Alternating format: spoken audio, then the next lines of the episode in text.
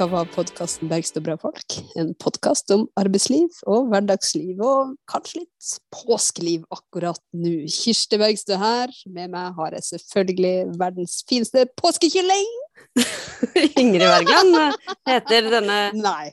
Nei, jeg er påskekylling, faktisk. Nei, Ja, ja. det er Er ikke. sånn Påskehare, kanskje? Jeg er sånn som har klekket ut av et egg som sitter sånn egg sitter ut. Sånn som er min favoritt-emoji i disse dager. Ja, det er meg. Ja, det er sant. Nei, du er mer som en sånn påskehare som kommer med en hyggelig overraskelse når man minst, minst venter det. Eh, Fordi jeg vet jo at eh, noe du av og til gjør eh, gjennom din jobb, da, er jo ikke egentlig å være postbud, men likevel å levere bøker. Og Mhm. det er jo litt sånn påskehareaktig. Eh, Levere bøker, levere godteri, levere rett og slett godteri til hodet. Det vil jeg si at bøker er. Og jeg har veldig lyst til å høre hva du har lest i påska, Ingrid, veldig snart. Men det er jo én ting som jeg tenker at er påskekrimmen over alle påskekrimmer. Eh, og det er jo eh, rett og slett en ganske sånn langvarig eh, krim. En, eh, et uoppklart mysterie som har hengt over det norske samfunn. Tidvis kommet tilbake som en mørk sky. Og nå, like før påske, eller i påska, så hørte jeg til og med statsministeren ta det opp. Nemlig hvem sendte egentlig tekstmeldinga til Liv Signe Navarsete da Senterparti-gutteklubben var på hyttetur, og den, den liksom ja, ganske omtalte etter hvert og etter mange år, tekstmeldinga. Eh, om jeg husker den rett, rett eh, vi vil se fitta di. Nei, vi vil ha fitta di. Eh, noe i den duren. Ble da sendt til den kvinnelige ledelsen, Liv Signe Navarsete i Senterpartiet. Og på den hytteturen der, der var det masse karer som sitter med makt i dag, og som satt med makta, men ingen har stått frem. Nei. Men, men altså, på slutten av påskekrim, i hvert fall de som går på TV, så kommer jo løsningen. Men dette er veldig irriterende påskekrim, for det er jo ikke noe det, det, Altså, løsningen finnes jo, men hvorfor får vi den ikke? Nå til og med statsministeren krevd det. Altså, det er jo det er nesten kongen befaler. Du, det er derfor jeg tenker at den må komme. Om ikke akkurat på slutten av denne podkasten, eller hvem vet, eh, så bør den komme. Og jeg tenker jo at det her kan bli en sånn her, en, eh, gjenstand hvert eneste år. Eh, Frem til saka er oppløst. Eh, oppløst, oppklart, heter det. Eh, Og jeg, fikk, jeg tenkte på den her, så på Melkepakken her om dagen, fordi at i påska så er det sånn veldig fin sånn påskekrim, da. i tegneserieformat på melkekartongen. Den burde tegnes der. De her gutter som er på hyttetur, og som sitter og raller rundt i badstua og tuller inn på det ene og det andre, og så kommer et eller annet brushauge frem til at «Nei, vi kjenner denne tekstmeldinga, eh, og, og så bare gjør den det. Og det, det er liksom min store utfordring. Eh, Tine, neste år, hvis ikke den her eh, ja, påskekrimmen er løst, så, eh, så fortsatt dere tar, tar dere av det. Altså, det er jo ikke sikkert alle våre lyttere vet det, men du er jo veldig god til å tegne, Kirsti. Altså, jeg, jeg, ser, jeg ser skissen jeg er ganske klar for deg allerede. Altså, jeg syns du, du skal tegne det ut og sende det til Tine og si sånn Her, vær så god. når du sier det, så har jeg den jo klar. Du har laget den. Noe må jeg ha gjort i påska. Jeg vil starte med å ligge i, senga og være sjuk i en uke. Nå er jeg oppegående og har gått på ski. Ja, altså, jeg, har, jeg har en liten skisse, kan du si, så jeg kan ikke røpe for mye akkurat nå. Men eh, eh, jeg har jo åpenbart eh, lagd tegneserier og eh, lest påskekrimmen på melkekartongen. Hva har du lest i påska, Ingrid? Du, det vil jeg gjerne fortelle mer om, men eh, kan jeg fortelle mine to eh, eh, påskevitser først? Det, det her føler jeg i kategorien påskehare. Jeg hadde rett. Ikke sant? Mm. Ja, Mm. ok. Den ene, den ene vitsen, den er sånn. Den, den må man fortelle på skjærtorsdag. da. Eh, det er eh, Drakk litt vin, brøyt litt brød. Hvordan var din skjærtorsdag? det skrev jeg på Twitter for noen år siden. Ja, det syns jeg var ganske morsomt. Men den ble morsom fordi Det er to ting til. Jeg fikk okay. like av Kjell Magne Bondevik. Og det var veldig gøy. og så var det morsomt på en annen måte at jeg fortalte den Mm. til mannen min, og han var sånn hva, hva, hva, hva betyr det? Eller jeg skjønner, ingenting. For han er, eh, han er ateist og har vokst opp eh, med sånn eh, livssyn på skolen. Eh, og det var jo På 80-tallet, eller 70-80-tallet, så hadde man jo ikke KRL eller KRLE. Da var det da var det bare livssyn. Det, var sånn, det betydde jo bare at de som ikke hadde kristendom, fordi kristendommen var forkynnende på skolen, så, så hadde man da livssynsundervisning, som betydde at man lærte alt annet enn kristendom. Så han bare har ingen referanser til, til så kirkelige eller kristendomssfæren, da. Så han har ikke fått med seg hva som skjedde på Nei, akkurat det med skjærtorsdag, det var litt vanskelig for han. Men det var min vits. Men han har, min mann, da, for å sette han i et godt lys likevel, så har han laget en Det syns jeg er en enda bedre vits. Um, om langfredag. Um, hva var det Jesus sa på langfredag? Nailed it. Nei! Nei, det var litt stygg. Nei, det det var ikke sant? Ja, uff a meg. Ja, altså, jeg er jo blant de mange lytterne til eh, Statskanalens um, uh, gudstjeneste i påska. Jeg har ikke hørt så mange, men jeg har hørt, én. Og den var utrolig fin. Eh, og eh, uten å eh, trekke det her eh, andre inn i den påskekrimmen jeg eh, åpna med, da, eh, altså Senterpartiet-påskekrimmen, så eh, var en som garantert ikke har sendt eh, tekstmeldinger til Liv Signe Navarsete, eh, med i eh, gudstjenesten. Kjersti Toppe, barneministeren. Hun leste, leste vers da, fra, fra, fra Bibelen. Så det var veldig fint. Og ikke nok med det, når man hører eh, liksom sånn her, hvem var det som bidro, ja, så var det jo både den ene og den andre med av toppen. Så jeg tenker jeg, det hørtes ut som rene familiesamlinger fra, fra Vestlandet. Det var utrolig, utrolig eh, artig. Fin, fin gudstjeneste, det må jeg si. Ja, så bra. Ja. Ja, nei, ellers er det jo en annen eh, påskekrim, som jo varer eh, til og med kommende søndag, eh, nemlig eh, det franske presidentvalget, som jo er helt uh, vilt å følge med på. Ja. Og som uh, jo bare egentlig drar seg til i dramatikk. Uh, Nå er det jo to kandidater igjen etter at sosialisten, sosialismen er ute. Mm. Og ja, er det pest eller kolera? Hva kommer folk til å velge? Er det elitens, de rikes president, eller er det den ekstremt høyreorienterte kandidaten? Ja, for altså, Frankrike har jo utrolig Det er jo veldig merkelig, dette president... Eller det politiske systemet i Frankrike er jo veldig mystisk. Altså, det er jo liksom, de har jo partier, men også ikke, på en måte. Altså, mm. eh, Macron har jo, det, har jo liksom en slags bevegelse bak seg, som bare en marche, som er bare ja, en slags sånn sentrumshøyre-suppe. Eh, og så er det jo Marine Le Pen, som jo er datter av eh, den Le Pen eh, vi vokste opp med, holdt jeg på å si, som jo hun er jo Vi og vi, du har et litt nærmere forhold til Frankrike. ja, ja da, men liksom han, han, har noe, han, han var noe veldig dominerende og veldig Jeg, jeg bare følte at han var en sånn onkel i hagen, skjønner du. Ja. Som jeg vokste opp med. ja, ja, nei, da, jeg var ikke vokst opp med ham, men jeg, ja, men Og eh, du ikke ville ha der. Nei, uff, ja. Men, hun, men altså, Marine Le Pen er jo en, eh, en Hun omtales jo som ytre høyre, som jo eh, absolutt er eh, en ganske eh, ja, rasistisk og kjip, eh, kjip uh, ytre høyre-person.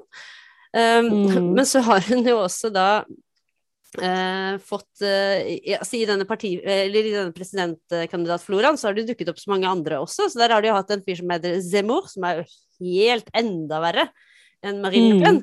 Eh, altså ordentlig, ordentlig, ordentlig ille fascist. Eh, og, og, det gjør at hun, hun blir jo plutselig sånn ja, Det er kanskje ikke så galt, det hun sier, for hun er i hvert fall ikke så gæren som Zemmour, liksom.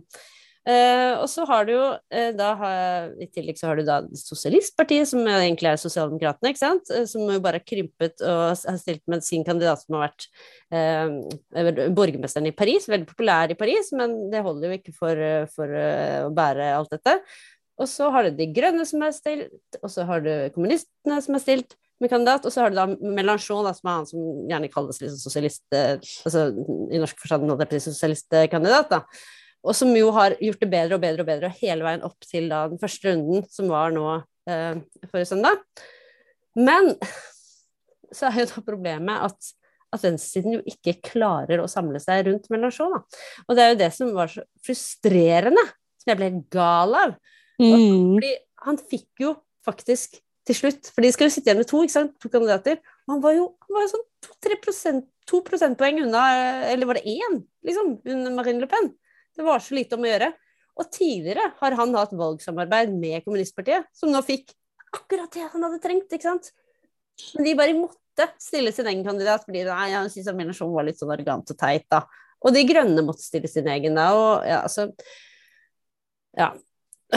Og nå, så nå har jo Melanchon gått og sagt sånn ja, ja, dere må, eh, dere må for all del ikke stemme på Marine Le Pen, men det er sånn Hvor lett er det å motivere folk til å gå og stemme på noen du ikke skal stemme på? Altså stemme på han fordi ikke hun, liksom. Det er jo helt sånn, det er jo helt sånn Trump og Clinton-situasjon. eh, For mange av de som var Bernie-supportere, ikke sant. De hadde jo akkurat det samme. Mm. sånn, Ja, ja, vi må i hvert fall ikke få Trump, men ja. Folk vil jo stemme for å få, få gjennomslag for et prosjekt, ikke for å ikke få det enda verre, liksom. Mm. Selv om jeg tror at eh, om ikke det er Det kommer jo ikke til å mobilisere stort til, eh, til valgene. Det er jo gjenstår å se hvor, hvor eh, mange som deltar der, men det er jo kanskje en situasjon og en tid der mange ser at det er et viktig poeng å ikke stemme på fascisten. Ja da, det må vi håpe. Mm. Virkelig. Men, eh, nei, men det er virkelig nei, det, det, det er skremmende. Og er, også er jo, sant, Macron er jo han, eh, Ja, det er som du sier, han er jo blitt sett på som ja, de, rikes, de rikes mann. Og, og, og det er jo sikkert mange som husker de gule vestene og de protestene som var rundt, eh, rundt altså Det ble veldig mye fokusert på at de protesterte mot de økte CO2-avgiftene, som gjorde at bensin ble veldig mye dyrere og sånn, men, men de avgiftsøkningene der kom jo samtidig som han ga enorme skatteletter til de rikeste.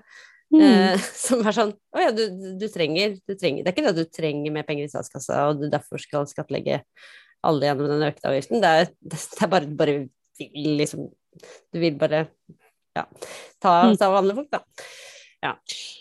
Men også miljøpolitikken har jo et, et potensial for å, eh, for å bli skeiv eh, om ikke man klarer å ha en fordeling og miljøtanke i hodet på, på samme tid, og sørge for at nettopp ikke det er dem som kjører bil i distriktet, eller um, dem som har dårligst råd, som må betale prisen for at man uh, er nødt til å, å få ned, få ned utslippene. Mm. Uh, så det er jo, uh, det er jo lett å, å, på en måte med avstand si at, at de gule vestene tar feil i sitt budskap eller sin form, men fremfor alt så er det jo et veldig bredt uttrykk for en en uh, sterk uh, sosial bevegelse mot økende ulikhet og avmakt. Mm.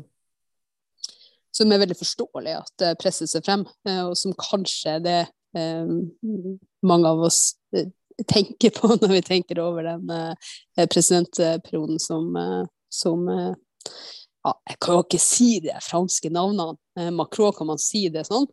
Macron, ja. ja. Jeg bare ser for meg den kaka. Den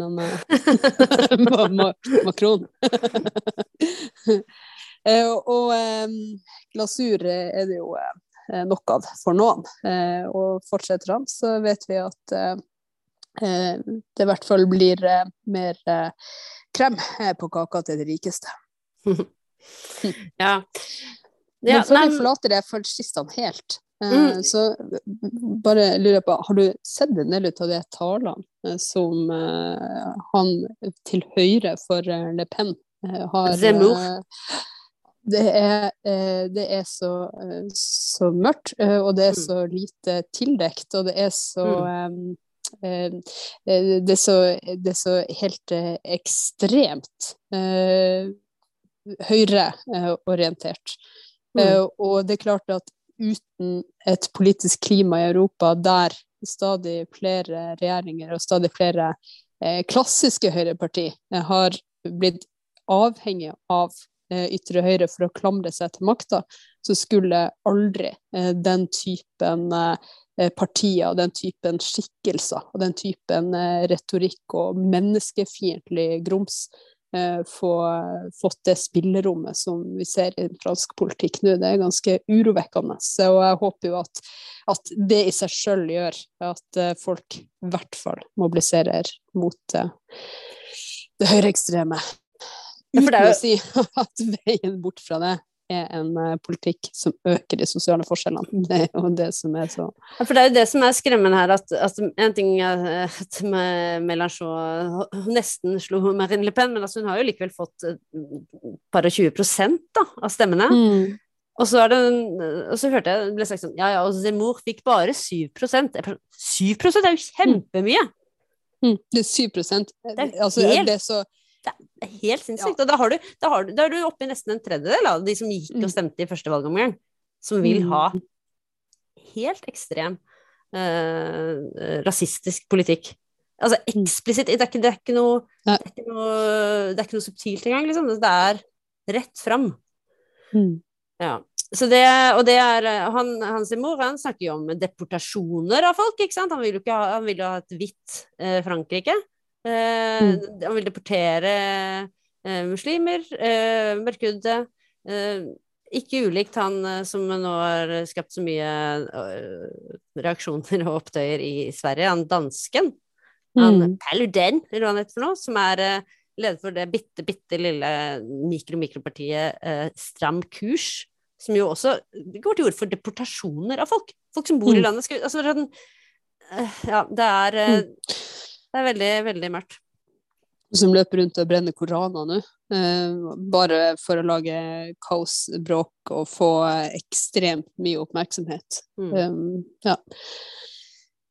Så det, um, det er det.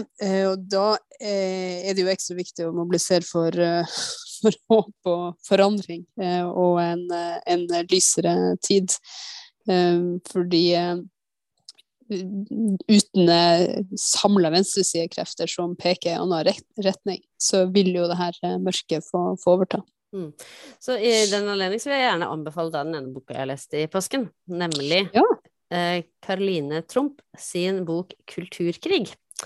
Karoline Tromp jobber i debattredaksjonen i Klassekampen, eh, og er eh, ekstremt kunnskapsrik og eh, smart analytisk Eh, person som, som, da formidler da eh, rett og slett uh, hvordan ytre høyre ja, samles og sprer sine fortellinger på tvers av, av landegrenser i, i, hele Vesten, både via ja, beskriver selvfølgelig liksom internettkultur, går inn i dype som konspiranoia, og så trekker hun tråder tilbake til ja, Sions vise protokoller og, og, som var disse, disse konspirasjonsteoriene som, som, kom på slutten av 1800-tallet, som Hitler benyttet seg mye av. Altså hun bare hun trekker de ja, lange, lange og, og, korte linjene veldig bra. Så det er jo en det er jo, det er jo ikke så veldig oppløftende, men samtidig så er det, det er jo så det er så mye kjipt rundt all denne, alle disse ulike høyreekstreme retningene som gjør at det å, det å lese en sånn solid gjennomgang som det. Da får man liksom rydda litt opp i eh, ja, mange ting man har eh, Mye av dette har jeg jo lest om, selvfølgelig, for det er jo i vår nære samtid mye av det. ikke sant? Men, men det å få samla mellom to permer er veldig Veldig, veldig uh, godt arbeid, altså. Så den, den, anbefaler jeg for de som har lyst til å stupe ned i det.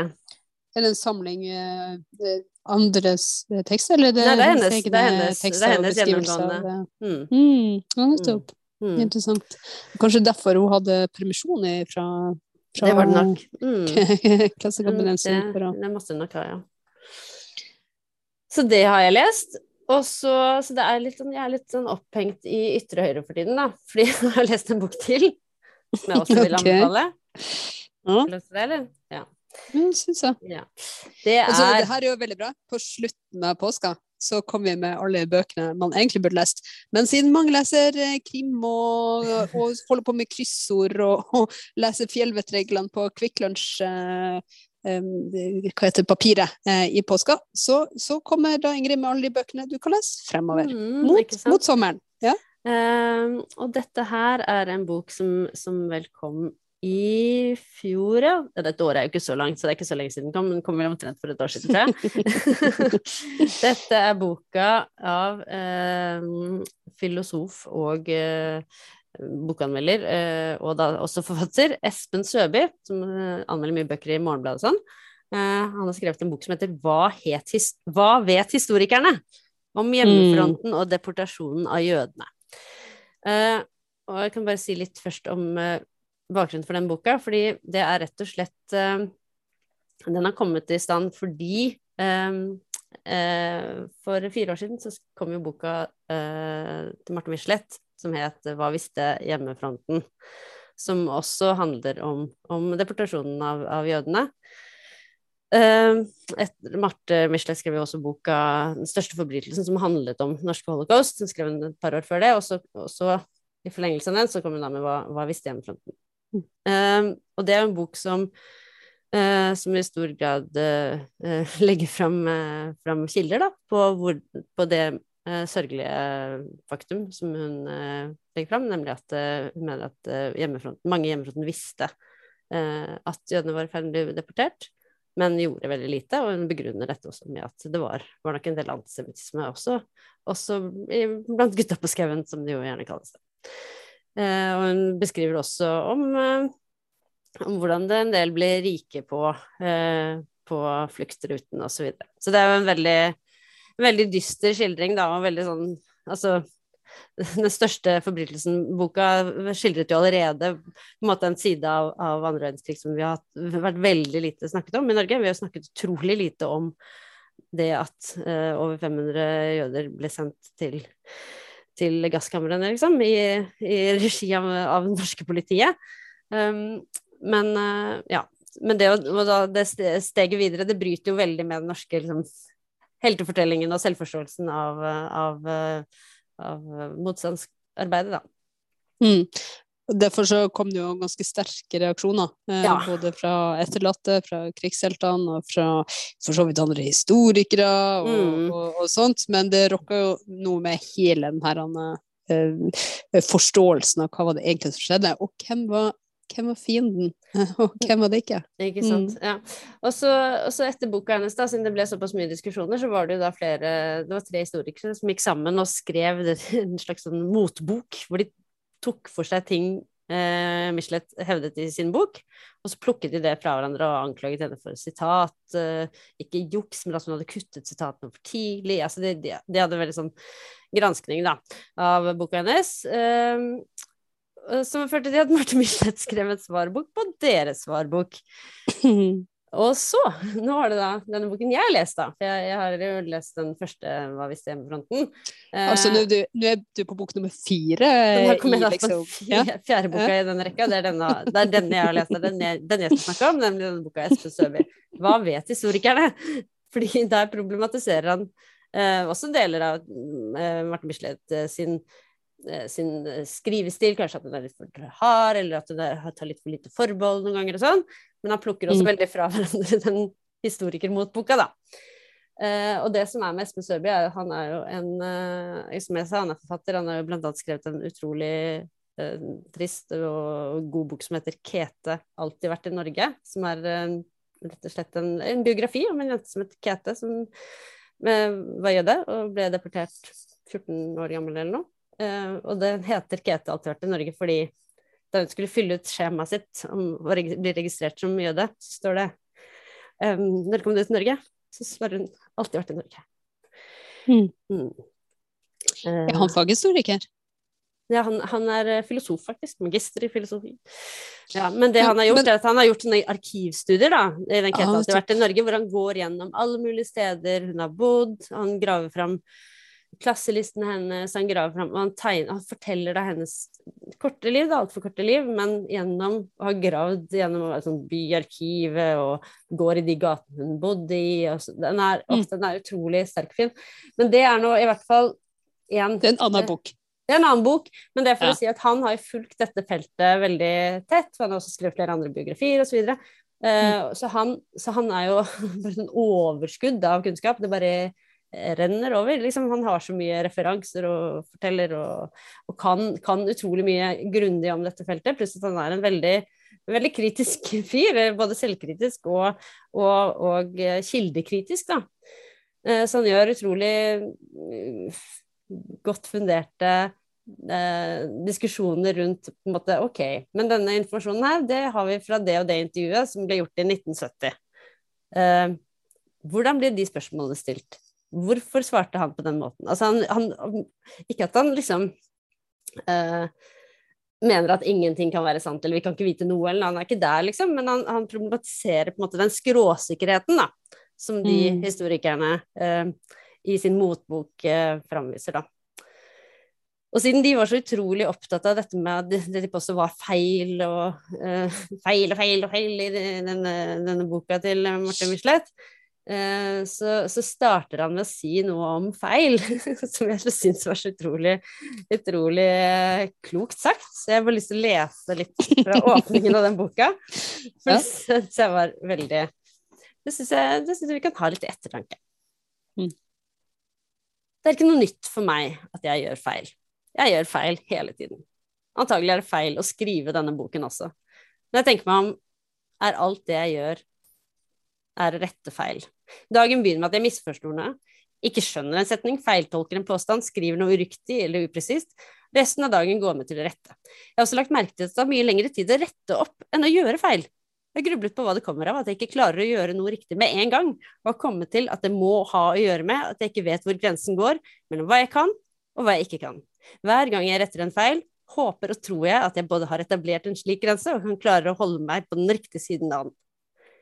Nattesøvnen visker tydeligvis ut denne skillelinjen, men ikke, noen, men ikke troen på at den er intakt, og nettopp derfor går jeg på med friskt mot og begår nye feil. Kanskje må jeg gjøre feil for å gjøre noe riktig. Ja, sånn er det for meg, og jeg har slått meg til ro med det. Det er ikke morsomt, det er strevsomt og kan være pinlig, men jeg har lært meg å leve med det, og har klart meg sånn noenlunde. Til nå er det kanskje tryggest å føye til. Det er en litt sånn eh, Ja, jeg syns det er en fin og nesten litt sånn munter og uh, ja, selvreflekterende inngang til et dypt alvorlig tema, absolutt. Men, uh, men ja. Men det er veldig, en veldig klok bok også da metodisk, da, om hukommelse og, og, og kildebruk osv. Det er jeg helt sikker på, men jeg er også ganske sikker på at det kommer en bok nummer fem. Fordi at det kommer sånne historikere og så sier de sånn Nei, vi skal ikke ha noen sånn filosofforfatter som kommer og forteller oss hvor skapet skal stå. Eh, det har vi snekra i denne boka. Men jeg syns jo egentlig at det med feil, noen refleksjoner om feil, eh, var egentlig en, litt, litt fin fin tone å ta med nå, Ingrid. Fordi vi åpna jo litt med den Eh, påskekrimmen som har eh, hengt over eh, landet vårt siden denne famøse SMS-en ble sendt. Det var jo åpenbart en feil om den som har, er eh, ansvarlig for den, evner å reflektere eh, over eh, hvilke konsekvenser det får for alle sammen som var med på den, den turen, og, og hvilken sky som henger over hver og, dem, hver og en av dem frem til det her er oppklart, og ikke minst over det partifellesskapet som de her karene tilhørte, nemlig Senterpartiet. Det vil jo bare tida vise. Det er i hvert fall varsla at en, en påskekrim tegneserie på, på vei, eh, men det var jo en som også måtte gå eh, pga. sine feil like før påske, Odd Roger Enoksen. Eh, og det er jo en feil som ikke eh, var helt ny, men eh, vi kan si kanskje gjentatte feilgrep som har vart gjennom langt, et langt politisk liv knytta til det å Eh, misbruke eh, posisjonen sin eh, gjennom seksuell trakassering eller å være i forhold som rett og slett har så skeive maktforhold knytta til seg at man bør erkjenne at det er sin posisjon og ikke sin person den andre oppsøker gjentatte ganger, når det både er så stor aldersforskjell, når det er så stor ulikhet i eh, posisjon, når det helt eh, åpenbart eh, er på, på, ulike premisser. Og det viser jo at den store bølgen som kom gjennom metoo, fremdeles fortsetter å skylde. og det er jo et, et saltfall som bare må fint trøkket med, med jevn mellomrom for å uh, få, få skylt ut det, det som uh, må av, av ukultur, samtidig som vi trenger veldig tydelige grep for å aktivt jobbe for det motsatte, sånn at verken unge mennesker, eller, eller for den saks skyld, skal oppleve at ja, eh, politikken, organisasjonslivet, eh, idretten, jobben sin, mm. eh, er et sted der man skal utsettes for seksuell trakassering, eller at noen skal kunne begå sånn overtramp uten å få bli satt på plass med, med en gang. Det er jo åpenbart noe som både må læres og, og avlæres, og som dessverre nok vil være gjenstand for en påskekrim også i fremtida.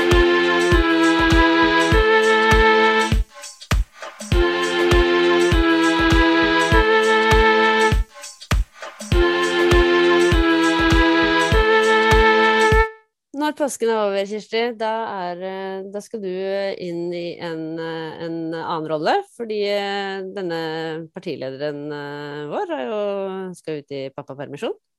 Mm.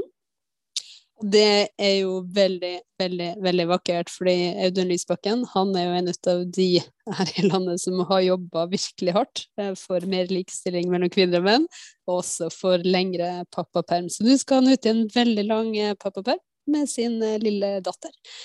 Eh, og da skal jeg være partiets fungerende leder eh, mens, mens han er i pappaperm. Det er så bra at du skal være fungerende leder, han, er bare, han er bare leder. Men, men, du fungerer faktisk! jo, men han er jo den valgte lederen som ja, da, det er bare, vi ser veldig frem til at morsomt, kommer tilbake. det er et morsomt teknisk uttrykk. Du skal være fungerende leder. ja, du kan si det. ja da. Nei, men uh, hva betyr det da i praksis? Nei, men Det betyr at jeg overtar alle hans oppgaver, eh, bortsett fra eh, det som er knytta til å være stortingsrepresentant fra Hordaland. du, du, slipper å sitte på Hordaland. jeg er jo innvalgt for Akershus og skal fortsette med det. men det som er veldig artig med at han er valgt inn fra Hordaland, er at vi får inn en super vara Sara Bell. Også eh, mest kjent som eh, podkastgjest eh, hos oss, men som også har andre, andre verv. ja, i fagbevegelsen, og da Fagforbundet. Mm. særlig. så det blir jo veldig fint for Hordaland at de skal få fått et utrolig klokt menneske til å kjempe for sine interesser, sammen med eh, alle andre som eh, syns venstresida sine ideer har noe for seg. Eh, så jeg tror nok at, eh, at Audun skal få trille den vogna og kose seg med dattera si eh, i fred, mens jeg leder partiet og Sara er inne som, som vara for han på, på Stortinget. så har jo det skjedd en gang tidligere, for da var, var Audun ute i en planlagt, eh, planlagt operasjon, da. Eh, så da var han eh, borte en tre måneders tid. Så den store da, da, var jeg også partileder i den, den, perioden. Men den store forskjellen er jo at jeg er på Stortinget og både vil lede parti, partiet og også det, det parlamentariske arbeidet. Og Sosialistisk Venstreparti har jo et helt fantastisk lag. Eh, en eh, utrolig eh, dyktig stortingsgruppe og tillitsvalgte og folkevalgte over hele landet som er klar for en ny vår som vi skal forme i fellesskap. Så jeg gleder meg helt utrolig til å ta fatt på det arbeidet. Ja, det skjønner jeg godt. Og no pressure, men altså den regjeringen vi har, skaper jo ikke sånn kjempemye entusiasme i gatene. sånn at SV har jo en formidabel mulighet til å til å, eh, å, å gi det politiske Norge en, et uh, løft og en entusiasme og en, en, en ja, ny, ny, sosialistisk vår, vil jeg si. Så, så det syns jeg det, Bare kjenn litt på det de siste timene av påskeferien. Et, lite tips fra sidelinja. Nei, men eh, det som har veldig stor oppslutning, det er jo, er jo venstresidepolitikk. Sant? Nå har jo folk gjennom hele høsten demonstrert mot at markedet herjer med strømprisene og eh, folk eh, eh, er jo klar for langt eh, mer eh, omfordeling eh, og eh, sosial og rettferdig politikk eh, som tar miljøet på alvor. Eh, så eh, den eh, oppgaven skal vi ta. Takk for at du tok eh, følge med oss. Håper du fortsetter med det.